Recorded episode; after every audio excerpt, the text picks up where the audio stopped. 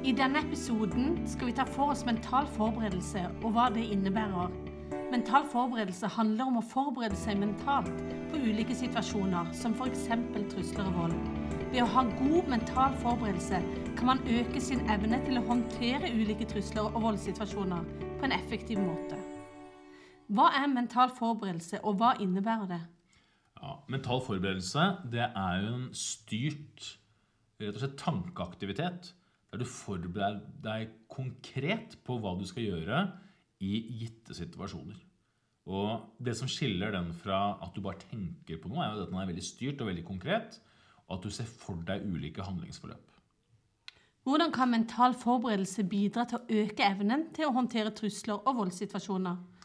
På mange måter så kan mental forberedelse være med på å preprogrammere atferd i gitte situasjoner. Og dersom du opplever vold- og trusselsituasjoner som skremmende, eller at de hurtig eskalerer, så vil mental forberedelse være med på å gi deg økt kontroll i denne type situasjoner. Hvordan kan man forberede seg mentalt på ulike situasjoner? Ja, Det er et veldig godt spørsmål, Anette. Og det vi jobber med når vi jobber med organisasjoner og ansatte, så jobber vi med fire ulike teknikker.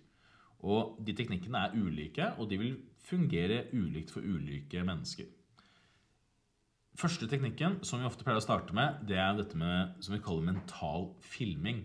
Og Det er kanskje det man også tenker på når man eh, snakker om mental forberedelse.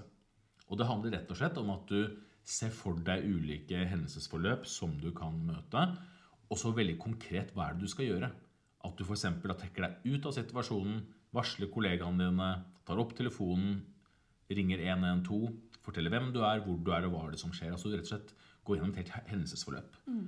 Alternativet det er jo det som vi rett og slett kaller ikke da en mental film, men vi kaller det en mentalt bilde.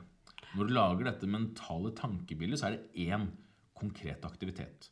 Det kan f.eks. være at du da tenker hvis denne personen nå blir aggressiv, så går jeg rett ut døra. Og Da lager du dette bildet, ser du for deg at da tar du hånda på døra og går ut. Og Det kan også være veldig sånn til god hjelp når du ellers vil kanskje føle deg ja, rett og slett ikke du har så mange alternativer. At du, blir, at du fryser og ikke handler. Ja. Eh, det tredje alternativet til mental eh, trening på denne type situasjoner, det er det at du lager en mental sjekkliste. Og der, Da må du ha en, en, sjekkliste. Du må rett og slett bruke litt tid på å sette deg ned og, og skrive tre-fire punkter som du må gjennomføre i ulike situasjoner.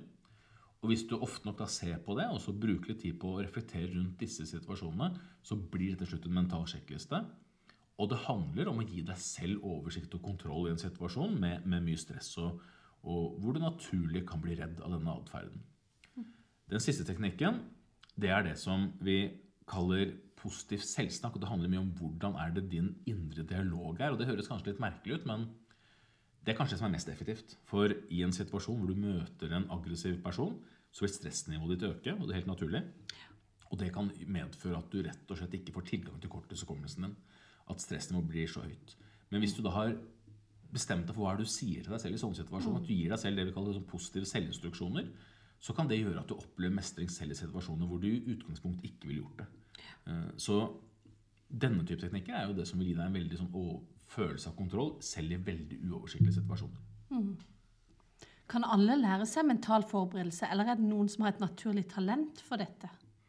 Det kommer nok litt an på Vi sier jo ofte at hvis du er den typen som pleier å Du er den som dagdrømmer, f.eks., og lett ser for deg ting, ja, da fungerer det veldig fint da, med det å ha en mental sjekkliste, f.eks. Det vil være veldig enkelt for deg.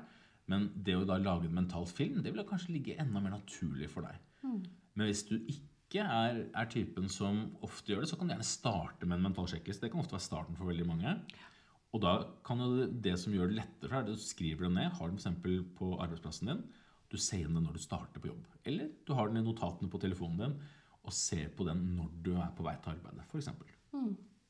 Er det noen situasjoner hvor mental forberedelse er spesielt viktig? Hvilke, og eventuelt hvorfor? Det er de situasjonene hvor rett og slett du står i en situasjon hvor risikoen veldig hurtig eskalerer. Og det er jo det som er det viktigste. Det er de situasjonene hvor risikoen veldig hurtig eskalerer, og hvor du står i de situasjonene som vi da kaller veldig høyt konfliktnivå. Og det skal vi lære mer om i podkasten, men det er de situasjonene hvor situasjonen eskalerer, hvor du møter voldelig aggressiv atferd som ellers ville overrasket deg. Hmm. Neste episode så skal vi snakke om hvordan vi kan mestre stress. Og ulike teknikker for, for det. Og da er mental forberedelse en av nøklene for å, egentlig å, å lytte på resten av podkasten. Nei.